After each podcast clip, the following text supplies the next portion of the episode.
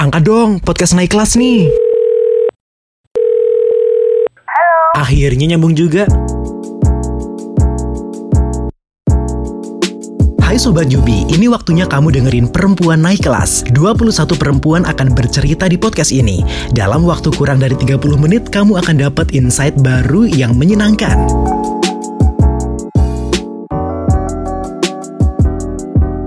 Yes, Sobat Yubi dan untuk cerita kali ini saya udah barengan dengan sahabat saya yang punya cerita seru banget.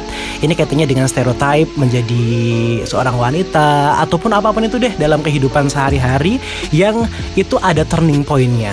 Mau denger kayak gimana cerita lengkapnya? Aku mau sapa dulu nih. Halo Mbak Dias, apa kabar?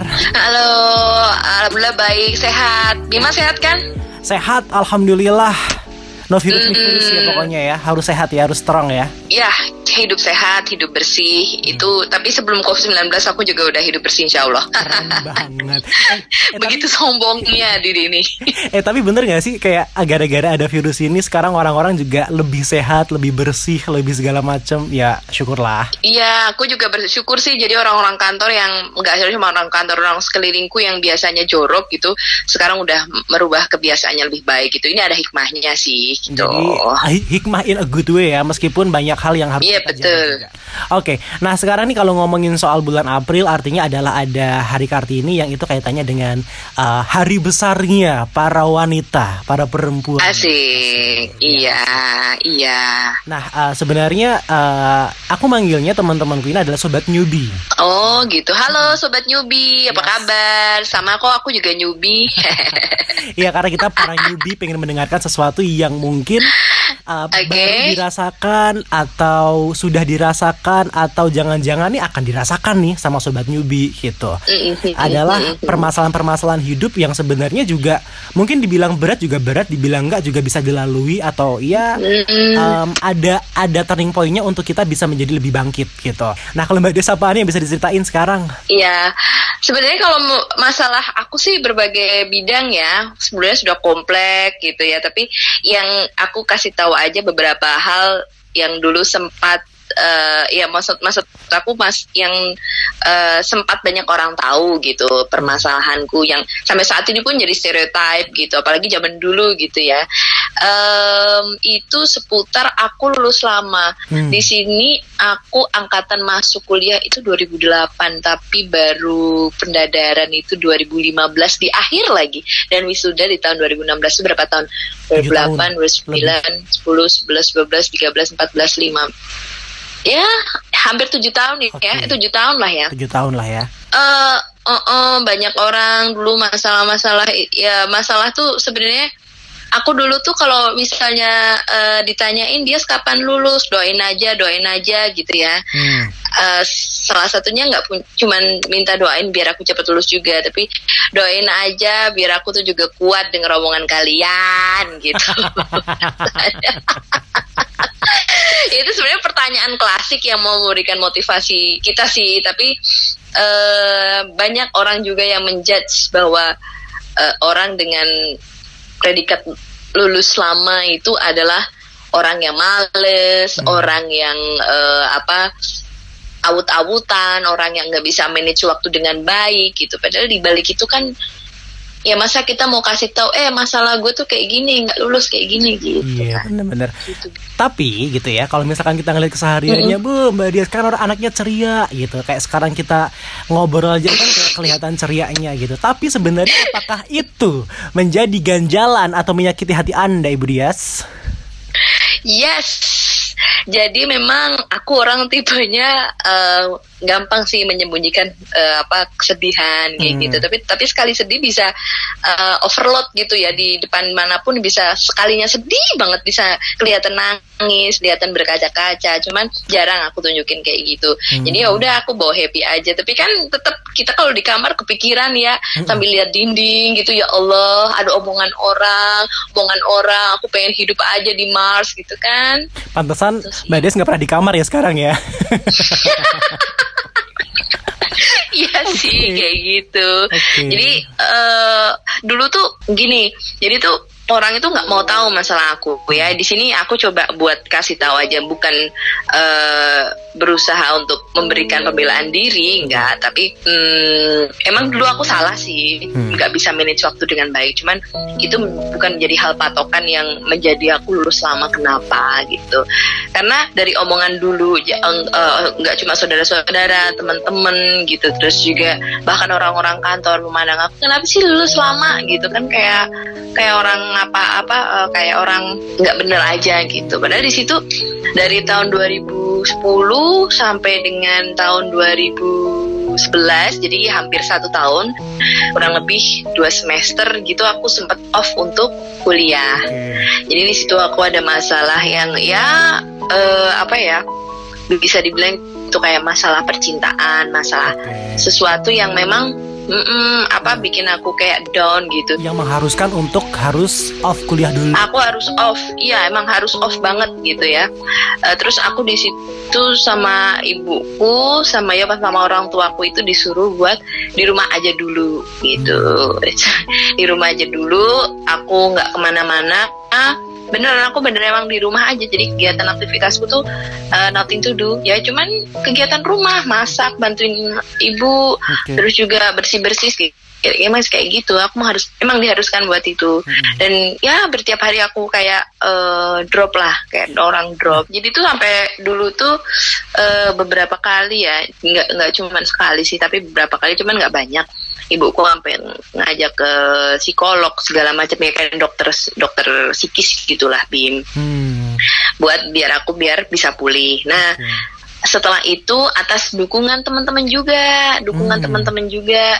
Tahun 2010 ke 11 itu atas dukungan teman-teman hmm. uh, dukungan orang tua dan keluarga. Di situ ada yang membangkitkan kamu ayolah buat balik kuliah lagi buat sekolah lagi. Hmm. ya udahlah uh, banyak yang support. Ya udah aku coba kuliah lagi di situ bla bla bla bla. Aku coba kuliah Uh, tapi kan nggak serta merta aku masuk kuliah awal tuh langsung mulus ya, di mana aku harus menghadapi IPK aku yang drop out, eh drop drop dulu, drop banget lah pokoknya.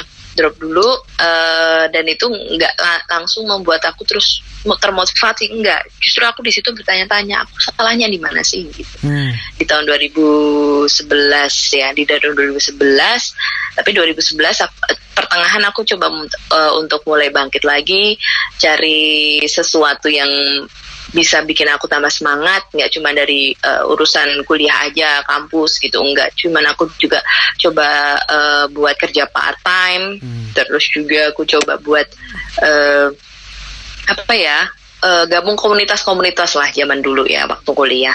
Di situ aku emang benar-benar uh, ngerasain gimana apa rasanya uh, jadi uh, apa orang-orang banyak teman sebenarnya banyak orang-orang yang mau menerima aku gitu. Dengan kondisi aku seperti itu banyak orang-orang yang mau menerima aku gitu. Terus di tahun di akhirnya aku lah kuliah lancar di tahun 2012 banyak teman-temanku yang udah pada lulus. Nah sementara 2012 udah pada lulus, aku ternyata juga sebenarnya ada uh, udah udah udah udah mau skripsi juga udah nyicil gitu lebih. Hmm. Uh, mau, mau ngejar lah pokoknya lah ya gitu. Mm-mm, mau ngejar sebenarnya. Tapi ternyata setelah di cross check ada satu mata kuliah yang gak keambil waktu itu gak keambil atau aku lupa ya gak keambil atau gak keluar nilainya. Hmm. Uh, itu aku ada di semester pokoknya semester ganjil hmm. dan mata kuliah itu juga ada di semester ganjil. Jadi aku harus nunggu satu tahun lagi. Oh iya iya iya. iya. Gitu. Terus kan gak semua orang memahami itu ya. Hmm. Ya udah uh, akhirnya daripada aku bingung aku udah fix deh atas support dari teman-teman juga kembali. Sebenarnya teman-teman kampus itu supportnya banyak banget ke aku. Uh, apa buat ya udah deh. Uh, aku cuti setahun dulu nggak apa-apa. Sambil aku uh, kerja waktu itu kerjaku jadi nggak part time tapi full time gitu. Bahkan juga part time di tempat lain gitu. Ya biar aku ada ada maksudnya produktif aja lah gitu. Sederhananya pikiranku kayak gitu. Udah habis itu selesai kan? Akhirnya aku ambil mata kuliah, mata kuliah itu, itu. di tahun 2014 2014 bersamaan itu uh, alhamdulillah lancar dikasih lancar. 2014 akhir aku udah mulai uh, apa kayak ngerjain bab ah, bab, bab tiga ya kalau di kita dulu. Iya. dari dari bab tiga bolak balik ah ya biasalah apa naik turunnya orang skripsi seperti apa. Pasti semua orang pernah mengalami gitu kan. Tapi kembali lagi di tahun 2015 ketika aku eh, apa ya udah pendadaran habis itu aku stuck aku stuck. Kenapa? Karena aku juga kembali aku nggak ngerti ya ini Hmm. kenapa kompleks sekali? Ada apa setiap aku mau bangkit ada aja masalah. Ada waktu aja itu ada gitu. masalah juga. Ada aja ujiannya yang bikin jadi down life. ada jadi ini aja ya apa sih kalau ini secara gamblang aja karena ini juga udah teman-temanku juga udah banyak yang tahu. Kalau tadi kan nggak banyak yang tahu kalau ini udah banyak yang tahu. Aku baru ngerasain benar-benar jadi orang eh, jadi anak broken home Hmm. jadi tuh kayak ya kembali psikisku di apa diuji lah yang Iya, kayak iya, gitu ya kan Mm-mm, soalnya yang ngerasain aku tapi ya ada orang-orang sekelilingku juga malah nggak yang support aku malah yang Hmm. kamu ini gimana sih orang tuanya broken home kok malah kamu gini gini gini gini gini Ada yang gitu. udah ada Yang kayak gitu. Itu malah sih? orang yang deket-deket dengan kita Bim. Aku juga nih aku tuh pengen loh kamu kok ngomong kayak gini? Gimana tuh kamu itu? Ah, gitu loh. Ya, Ya wis, ya wis. Tapi kan pikirku kan ya udahlah ngapain orang dipikir kayak gitu? Mm-mm. cuman ya masuk hati juga. Nah emang benar-benar itu kondisi psikis bener ya? Mm-mm. dari awalnya itu eh, kita tuh semangat ngelihat dengan kondisi kayak gitu tuh tiba-tiba down sendiri. Ya tetap terganggu Ya, lah ya pikiran kita gitu loh. Mau nggak mau tetap aja terganggu gitu. jadi iya emang kayak gitu Bim. Jadi ya eh, aku mau kayak gimana lagi waktu itu tuh eh sebenarnya di tahun 2014 aku udah tahu tuh ada ada ada sedikit kode-kode dari salah satu orang tua. Cuman aku nggak begitu gubris karena ya mungkin itu itu masalah rumah tangga aku bilang gitu. Aku pikir Yes. seperti itu. Tapi ternyata 2015 itu berlanjut sampai proses segala macem di prosesnya pun eh, aku nggak nggak terlibat di situ. Tahu-tahu udah gitu loh. Tahu-tahu udah ah, dan itu posisinya kakakku habis lahiran Oke. Gitu jadi emang sengaja kayaknya orang tua aku tuh eh, biar anak-anaknya tuh eh, jangan mikir apa-apa dulu tahu-tahu kan Hmm. kayak gitu justru malah kita down banget dong ya Ya, benar benar benar. mengetahui kondisi kayak gitu aku aku juga jadi bingung aku sekarang mau pulang ke rumah tuh apa yang aku padahal Jogja Magelang kan deket banget ya Bim ya deket banget. apa deket yang banget. akan aku lakukan gitu bingung di situ ya akhirnya aku di situ aku stuck lagi ya kembali. Aku seperti dulu kayak ya orang orang bingung tapi ya di balik itu aku masih happy ceria. Tapi kalau balik ke kosan aku mau buka laptop mau nerusin revisian oh gak banget. Aku ya Iya, aku iya, sering benar, nangis lah kayak gitu. Tapi ya udahlah aku pikir gitu. Orang nggak usah banyak tahu. Mm-mm. dan 2016 nah banyak support dari eh, dari teman-teman juga habis itu. Oh, tapi akhirnya kan Udah bisa sih. kan? iya alhamdulillah gitu tuh tapi itu masih jadi stereotip sampai saat ini. Masih jadi apa ya eh, tanda ya. Hmm. jadi labeling buat aku. Jadi di mana pun di lingkungan kantor kerjaan sekarang bahkan aku masih jadi olok-olokan. Hmm. eh sebenarnya itu nggak begitu masuk hati aku. Cuman coba kalau orang lain kamu tuh nggak tahu apa yang terjadi Yes. gitu loh. Apa kamu apa yang terjadi di aku? Kalau kamu tahu apa yang terjadi di aku apa yang akan kamu perbuat. Aku gitu. Tapi kan gitu nggak nggak selalu aku ungkapkan gitu. Aku cuman ya. Udah nggak apa-apa biasa aja gitu. Tapi tetap ngaruh bim. Kayak Hmm. gitu tetap ngaruh. Waktu itu tuh aku pernah rekrut eh, ikut rekrutmen satu kantor gitu ya. Oke. dia tuh nanyanya kayak gitu. Nanyanya kamu kenapa lulusnya lama? segala macam kayak gitu. Hmm. ya aku mau sekarang aku mau ngomong sama seseorang yang nggak aku banyak kenal. baru pertama ketemu. Buat apa? ya aku hitungnya dua kali yang Ih, buat apa gitu. Sebel sih. Oh, ternyata judgmental itu masih itu ARD loh. Tapi ya Ah. ngapain aku jujur ke dia? Emang kamu mau jamin? Aku keteri kalau aku uh, Jujur? cerita masalah hidupku kamu mau jamin? Aku keterima terus gajinya gede. Gitu kan nggak mungkin. Harusnya bilang heh loh ngapain gak jujur sama lo Heh, dengerin ya, dengerin. Setahu lo tentang psikis orang ya, setahu-tahu lo tentang psikis orang, lo nggak pernah ngerasain jadi gue, gue gitu. sambil sambil benerin rambut nggak ke belakang gitu Enggak sih, karena aku uhti, jadi aku oh, berjilbab. Aku jadi kibas jilbab baik, gitu. Baik, uhti sebagai uhta saya mau bertanya lagi. Boleh silakan. itu kan eh, ternyata sampai sekarang masih banyak stereotype gitu kan. Di, di titik mm -mm. terendah uh, kapan pun lah ternyata banyak banget titik-titik terendahnya gitu fluktuatif banget kan grafiknya kalau kita bikin grafik itu ya mbak ya pertanyaan yeah. apa sih yang itu tuh bikin waktu itu bikin mbak Dias jadi kayak nggak mau ketemu sama orang itu lagi gitu uh, apa ya kalau aku bertemu lagi ataupun malah berkomunikasi lagi sama dia jadi apa ya bumerang buat aku gitu hmm. karena uh, jadi kalau ketemu dia itu daripada aku uh, julid ya dalam hati ya hmm. nambah dosa aku juga terus juga uh, aku terlalu wasting time untuk memikirkan omongan dia yang nggak sebenarnya nggak penting buat aku yang aku oh. butuhin kan waktu itu support ya yeah. jadi udah aku memutuskan untuk ya nggak usah lah yang kayak gitu aku ketemu aja orang-orang dengan positive vibes walaupun uh, hatinya tetap apa ya mungkin ada teman-temanku juga yang ngebatin cuman kan itu nggak diungkapkan jadi ya is okay lihat dari gerak geriknya mungkin aku udah tahu tapi itu nggak diungkapkan aku menghargai lah uh, mungkin dia punya perasaan canggung sama aku gitu bing oh oke okay. kalau masih ingat mbak pertanyaan apa yang bikin mm -hmm. itu jadi kayak sakit hati banget ya banyak banyak statement kalau pokok intinya itu aku mahasiswa yang kayak nggak kasihan lah sama orang tua ngebiayain oh. kuliah kayak gitu. Terus aku nggak tahu diri. Uh, ya gitulah hampir hampir hampir uh, semacamnya. Pengen gue kasih tahu gue dari semester lima gue kuliah pakai hmm. duit sendiri coy. Coy. Nggak usah. Nggak usah sok ngomong kalau nggak ngerti coy Coy Kesal gue oh, iya, iya, Gitu iya, Bim iya, Ya itulah iya. Ya orang gimana sih dikatain gak tahu diri Gara-gara lama lulus kuliah Kan kesel juga Gak tahu hmm. dari mana gitu. Wow, sampai nafas loh saya mendengarkan ceritanya. Oh Artinya, iya, ya soalnya banyak, emang kayak gitu. Harus emosional, ngegas itu wajib. Coy. Oh oke, okay. kalau misalkan do sama dengan ada tinggi, kenapa nggak dilakukan gitu kan kalau bisa ya? iya betul. Kalau bisa marah, kenapa harus baik-baik ya, ya kan?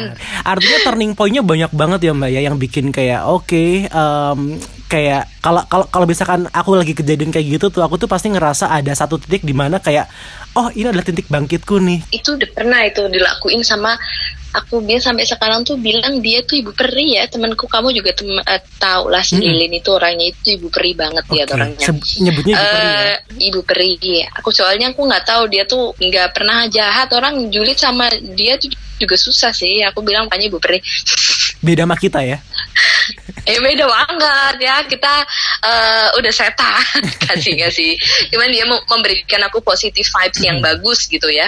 Jadi uh, nasihat-nasihatnya dia itu selalu masuk. Nggak cuma nasihat soal keluarga ya. Hmm. cuman dia emang support banget. Jadi uh, pernah suatu kali dia ngajakin aku uh, ke panti asuhan kayak gitu. Waktu aku down downnya buat hmm. kenapa aku jadi uh, apa menjadi anak ternyata aku anak broken home yang selama ini aku lihat di TV-TV itu rasanya apa kasihan sama dia. Ternyata aku sekarang merasakan, merasakan. di usia aku yang udah dewasa gitu.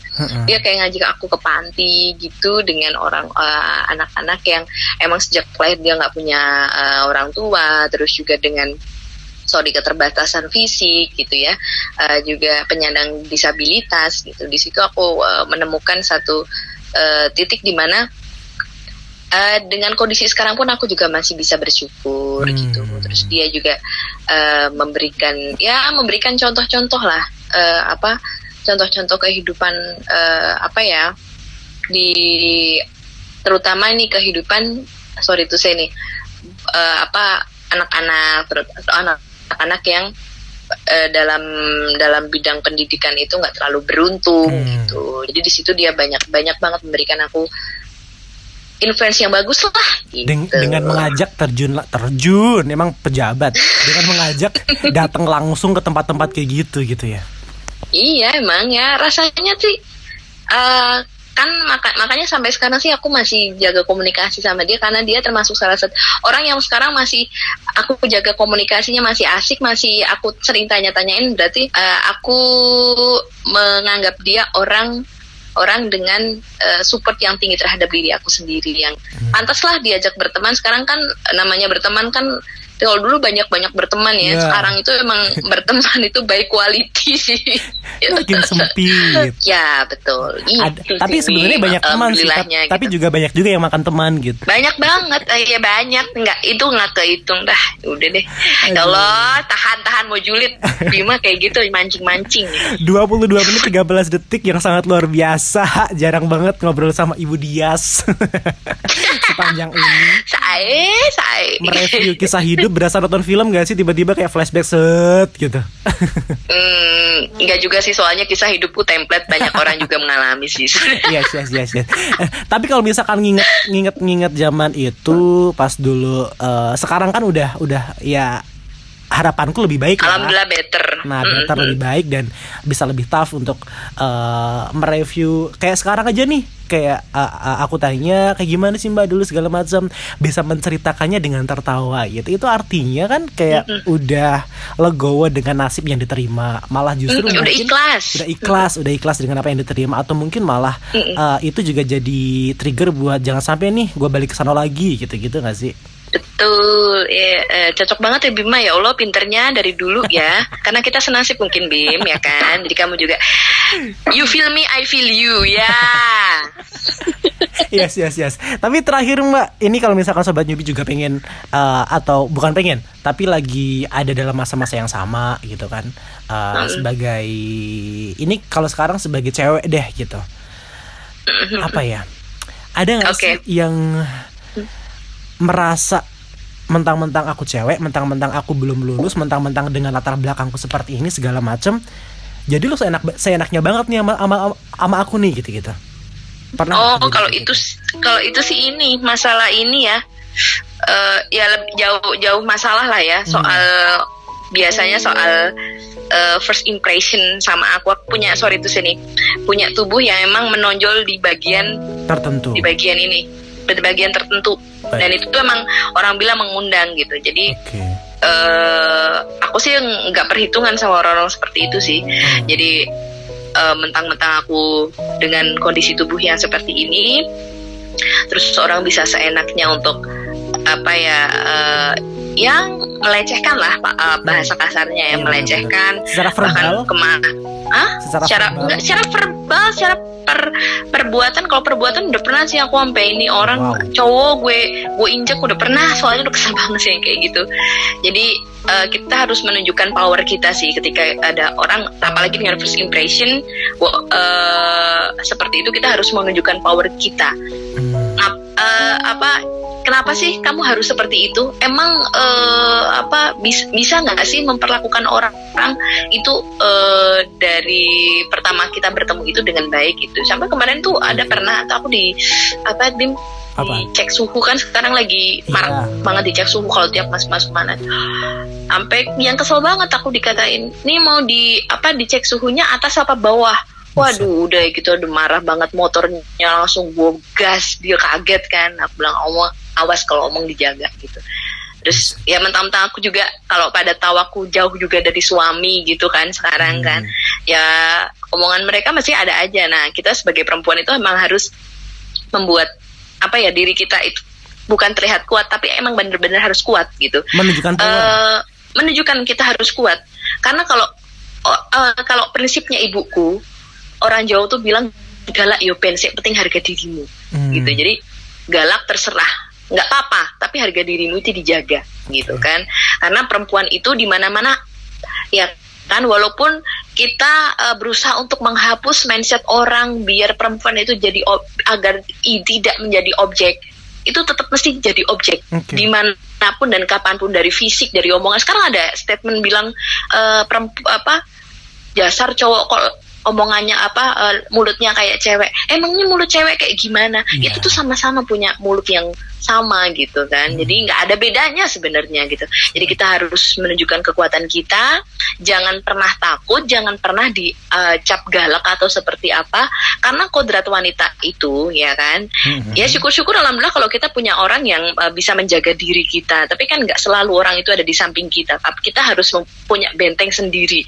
Kita harus uh, bisa menjaga diri kita gitu ya. Hmm. dari uh, apa ungkapan-ungkapan atau statement-statement seperti itu. Terutama uh, perilaku ya dari dari sini oke okay, terserah nggak apa-apa kamu cowokan aku juga orangnya juga nggak kalau ngakak juga nggak kira-kira. Uh, aku juga kalau ngomong juga sering kasar. Cuman dalam hal perilaku uh, bagaimana kita harus bisa berhadapan ketika sama laki-laki gitu. Jadi agar tidak banyak mengundang gitu loh kan? Hmm, gitu. Baik baik ini mohon maaf nih saya berasa jadi tersangka ya? lo barusan lo dimarahin karena harus menunjukkan power ya. Oke oke. Iya harus menunjukkan power.